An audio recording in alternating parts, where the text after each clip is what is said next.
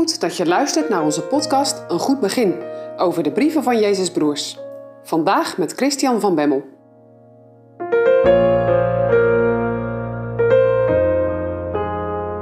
Strijd voor het geloof. We lezen Judas, vers 3 en 4.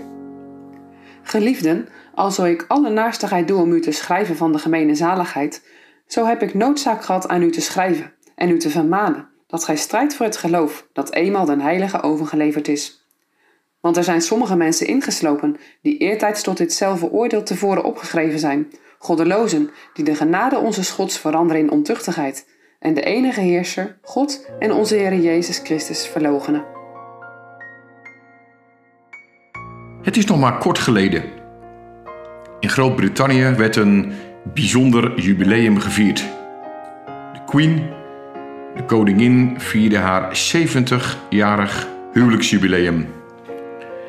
En zoals dat bij koningshuizen gaat, is er dan een bijzondere ceremonie met soldaten, met strijders.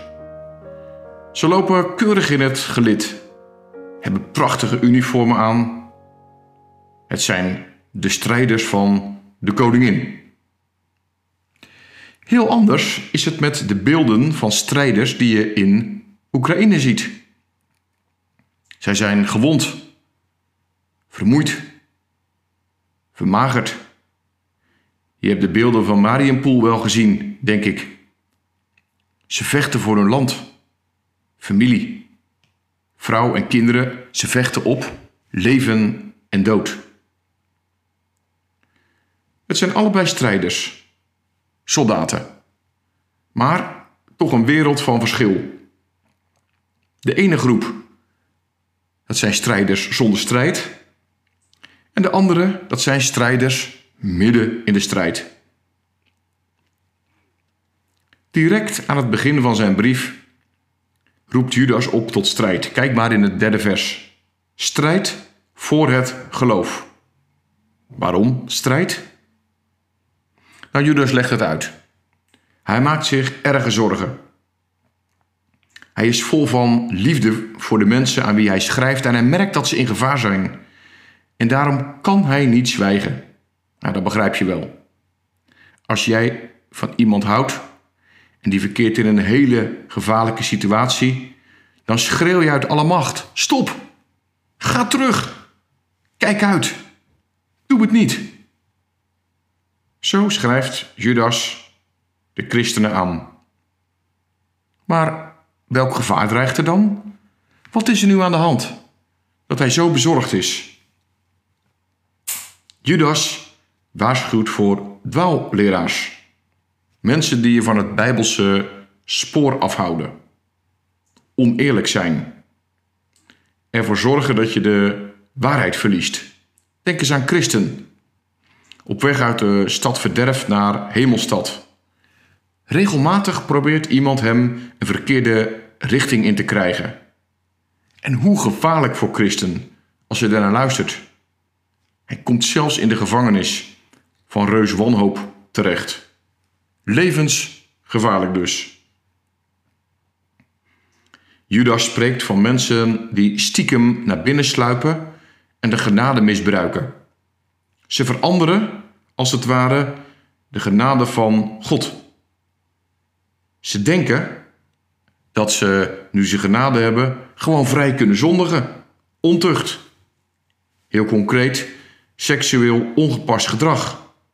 Het kan gewoon, want we hebben toch van God vergeving ontvangen. Ja, je voelt wel aan hoe gevaarlijk zo'n gedachte is. Want als je dit gelooft, ga je ten onder. Sterf je een eeuwige dood. Ik hoor Judas denken: hier heeft mijn broer niet voor geleden. Hier is hij niet voor gestorven. Ze verloochenen onze Heer Jezus Christus. Ze verkopen hem voor hun eigen zondige ideeën en wensen. Aangrijpende gedachte, vind je niet? Dat zal toch op allerlei plaatsen in je kerkelijke gemeente binnenkomen. Heel de gemeente van God wordt erdoor verwoest. Je leest in vers 4 het woordje oordeel. Dat gaat over Gods oordeel. Het moment dat God mensen scheidt en beslist over eeuwig leven of eeuwig dood. Als je dat in gedachten hebt, is er dan veel ruimte voor het afwijken van Gods goede geboden? Nou, Judas gruwt ervan. Hij is er bezorgd over. Hoe moet dat goed komen? Hij geeft ook een advies. En zijn advies is eenvoudig en getrouw. Er moet gestreden worden voor het geloof, voor de zuivere leer van het evangelie, zodat die niet mistig wordt, maar altijd blijft zoals zij eens van Christus en later door de apostelen geleerd is. Strijden, dat kost pijn, moeite en inspanning. Als er iemand voor mij en jou een voorbeeld is geweest in het strijden, is het wel Paulus. Hij zegt: Zullen wij in de zonde blijven opdat de genade te midden worden? God zij verre, absoluut niet. Geen denken aan. Het is onmogelijk dat wie door een waar geloof Christus in het hart heeft, geen vruchten van dankbaarheid voortbrengt. De Heidelberger, vraag 64. En de vraag voor vandaag. Hoe moet die strijd gestreden worden? Lees later vandaag op een stil moment Efeze 6 vanaf het tiende vers nog eens door. Daar wordt je op zeker zes wapens gewezen. En zou je verwachting moeten zijn van onze moed en kracht?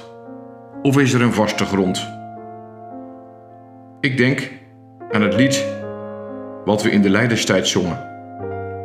De levensvorst in zijn geween, doorworstelt hij de strijd alleen.